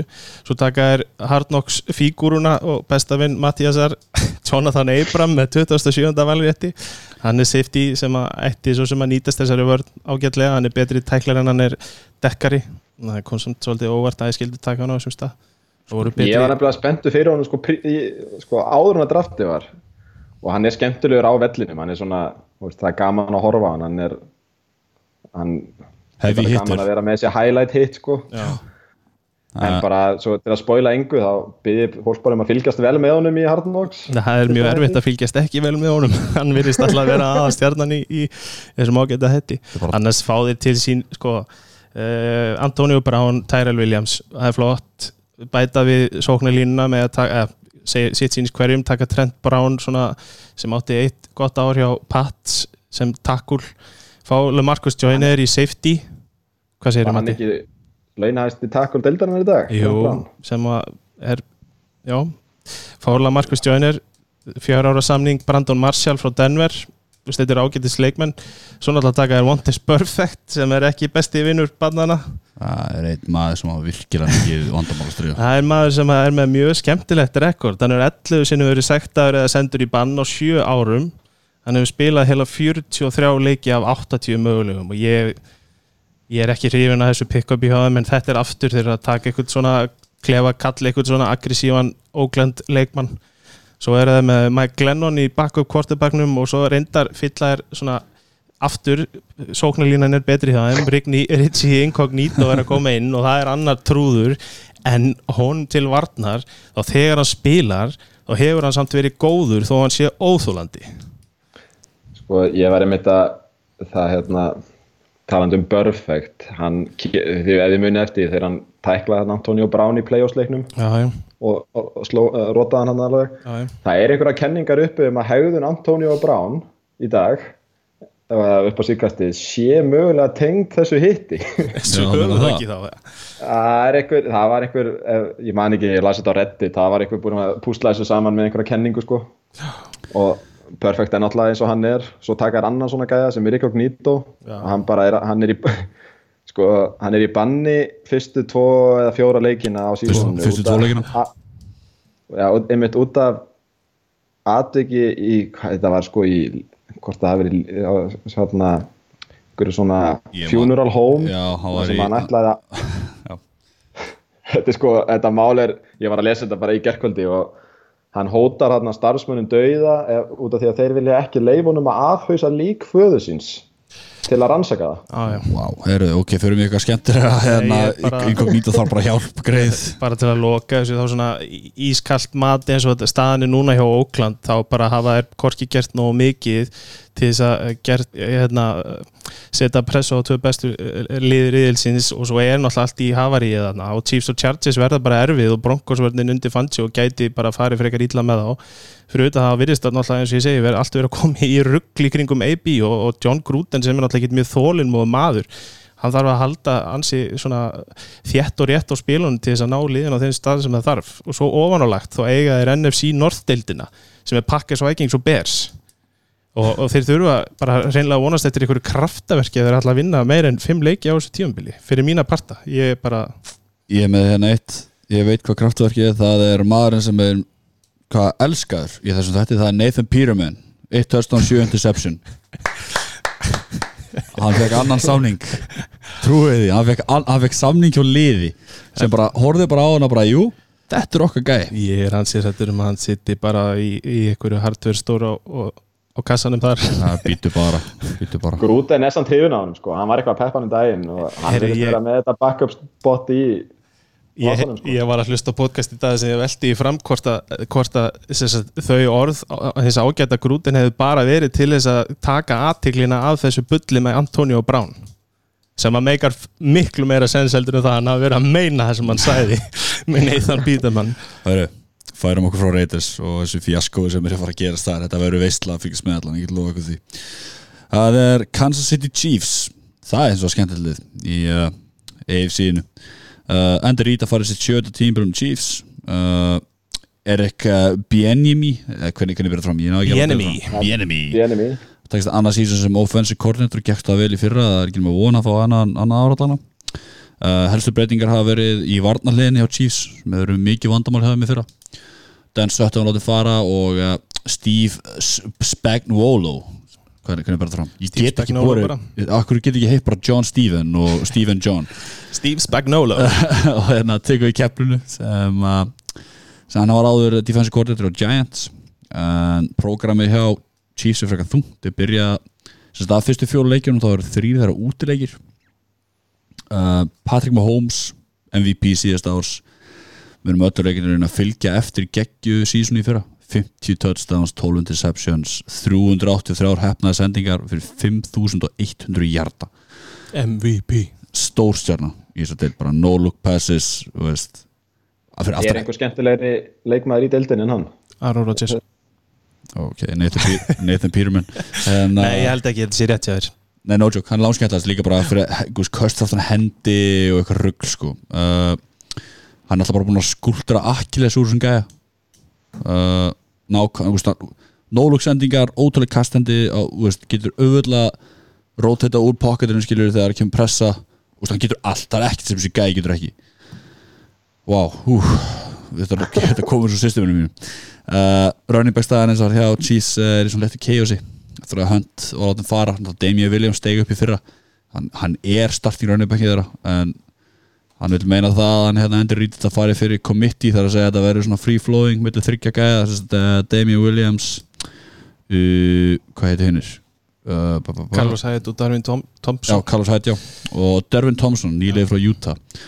Um, Ég held að það sé kæftæði Já, auðvitað Ég held að það sé eitthvað mesta kampsaga allra tíman og Damian Williams verður bara starting quarterback og hann áttur að spila, nei, ekki quarterback allir hún ekki, en, Running back. running back verður hann og ég held að hann verði allt í öllu í, í hlaupaliknum allavega til að byrja með. Byrja okkur að þrjá fyrir leiki fyrra 50 hlaupatilunir fyrir 250 hjarta og 4 touchdown. Það var að meðal með 5,1 hjarta í hverju tilun sem er nokkuð gott. Það er alltaf ekki eftir kontakt, það er alltaf yards per carry. Hann var uh, samt eins og er bara til að hamra á þessu punkti hann var þú veist aðeins betri í þeim leikum sem hann spilaði en hönd að meðaltali. Hann var alltaf bara einhverja hvað fjóra leiki? Já, en það er svona var þarna aðeins betri tölfræði svona að meðaltali. En hvort hann getið að veist, hann er svolítið búin að vera svolítið svona farandverka maður hann í dildinni og aldrei náða að klára heilt tímabil. Þannig að spurning hvort hann náða að halda þill Já, hann er samt búin að gefa til kynna endi eins og segja, þetta verður fyrir farið fyrir committed, það er svona free flowing backfield. Og þessu við róta því hver sé heitur hvernig hann muni meta það, það er bara undir honum komið. Já, á komið að því sem ég er mjög spennt að vera Travis Kelce. Já, tight end yes.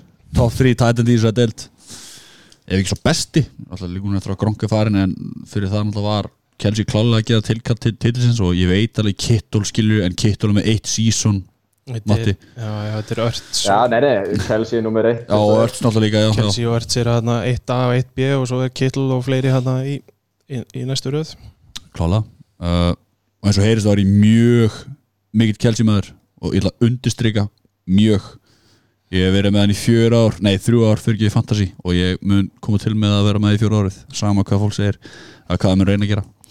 Uh, hann er 29 ára sæmur að sjóa þér í þessa deild. Uh, hvernig ég var bestu orða það hann, hann, hann er alltaf að lesa veikleika yfir varnarna skilja, hann er, hann er ofljótu fyrir linebackera og ofstór fyrir cornerbacks skilji Já.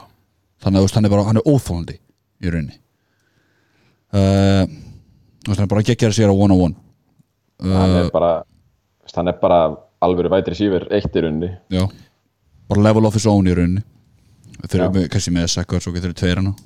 Já, ég held að Já, uh, ég tæki Chelsea allan daginn yfir Ört sko. ég held að Ört sé þriðji besti en það er bara kannski Fortinænis maðurinn í mig sem segir það. Gefa honum eitt jömbili uh, receiver Corey og Chiefs samanstendur á mönnum eins og Tyreek Hill, Sammy Watkins Marcus Robinson uh, Nicole Hartman sem er rookie og Marcus Kemp, hver sem það nú er ég, veit ekki hvað Marcus Kemp er uh, þekktur sem nefnilega klála Hill og Watkins. Þá proven receiver í þess að deild sérstaklega, veist, já ok, jú báðir. Watkins alltaf verið með svona meðisla pjessi uh, hann er bara átt eitt heilt sísón uh, annars er hann meitt öll hinn, veist, af þessum fimm sísónum er hann bara átt eitt heilt sísón að segja.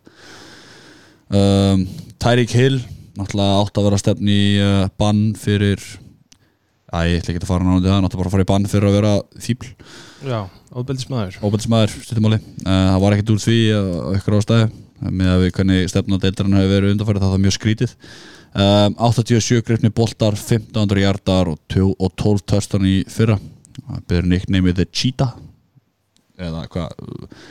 Bletta tíurinn, það gerði það mér. Cheetah, að að, ég held að Hill og, og Kelsey séu hérna topp, toppurinn á tveggjavopna hérna hvað maður að segja, svona liði sem með sterkustu tvö vopnin þá held ég að sé Hill og Kelsey að því að Hill er hann er svo ótrúlega góður, hann er svo fljótur og hann er samt ekki bara fljótur hann er líka geggjar í að koma sér í réttastöður grípa boltan eins og stendur 87 gripni boltar í geggja sko. Já, hann er bara fáralegur það er svo skrítið að sjá hann. Hann er, þú veist, með, í NFL þar sem allir eru sterkir og, og fljótir sko, þá er hann bara á einhverju öðru leveli, maður sér hann bara hlaupa framhjá hröðustu mönnum bara eins og ekkert sér sjálfsæðara sko. Þetta er svakalegt og það hefði verið alveg rísa stórt skarð fyrir það og ef hann sko sitt sínis hverjum með hvað átti sér stað í hans máli en það hefði verið skelvilegt fyrir Chiefs að missa Tyreek Hill út og þeir eru ljónhefnir með það að sleppa með það því að þeir letu hérna hönd fara sko samdægurs Mm. en þeir hengu á Hill og tóku sjensin með honum þannig að það er nú ekki, ekki svo afstæða tekin til allra þannig hjá þeim að, láta á að flakka ef þeir eru skítælar sko. Nei. Ég uh, get alveg tekið að langa umræðu um þetta Tyreek Hill-mál ég fylgdist alveg svona heimskulega mikið með því. Og þetta er sko ég ætla nú ekki að kafa djúft í þetta en það virðist bara ekki verið nóg mikið að sönnunagögnum til að negla hann sko. Nei, ég held að Það sé nákvæmlega rétt. það er bara vantaði alla samvinni því hjá batsmóður hans og, en og það er eitthvað umræði auka þátt af því að við erum búin að brenna þokkarlega tíma í þetta í, hérna, í vest, vilda vestrið. En það er leðanda vilda vestrið. Já.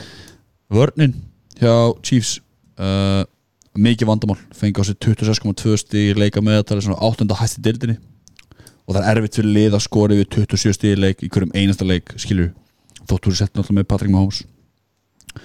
Uh, Chiefs þeir eru búin að styrkja sér mjög vel finnst mér uh, í öllum stöðu varnarinnar. Uh, fengur til sín Tyra Matthew safety sem var free agent átti gott season og það með Texans. Fengur til sín uh, Frank Clark uh, defensive end frá Seattle sem var franchise taggar á undan. Og sendi frá sér hvað first round pick að ekki réttum mér? Til þeirra í staðinn. einhver ísa hól Seattle fyrir hann. Fyrsta uh, annars og þriðjurándar eða ekki, Jú, þetta var eitthvað svona aðra grúa picks. Já, uh, og þar fyrir þetta fengu til sinn uh, Emmanuel Ogba frá fyrir ekki, Emmanuel Ogba frá Browns og Alex Okafor. Báðið defensive ends. Og þeir þurftu líka á þess að halda því að vörnin var í tómu rugli í fyrra hjá þeim. Eða ekki hún ekki í tómu rugli en hún var akkilisar hellin þeirra, fyrir um þanga Já, og hérna þeir, þetta var í raun og verið það eina sem þið þurftu að gera var, var að laga aðeins til hjá sér í varnarlega. Mm.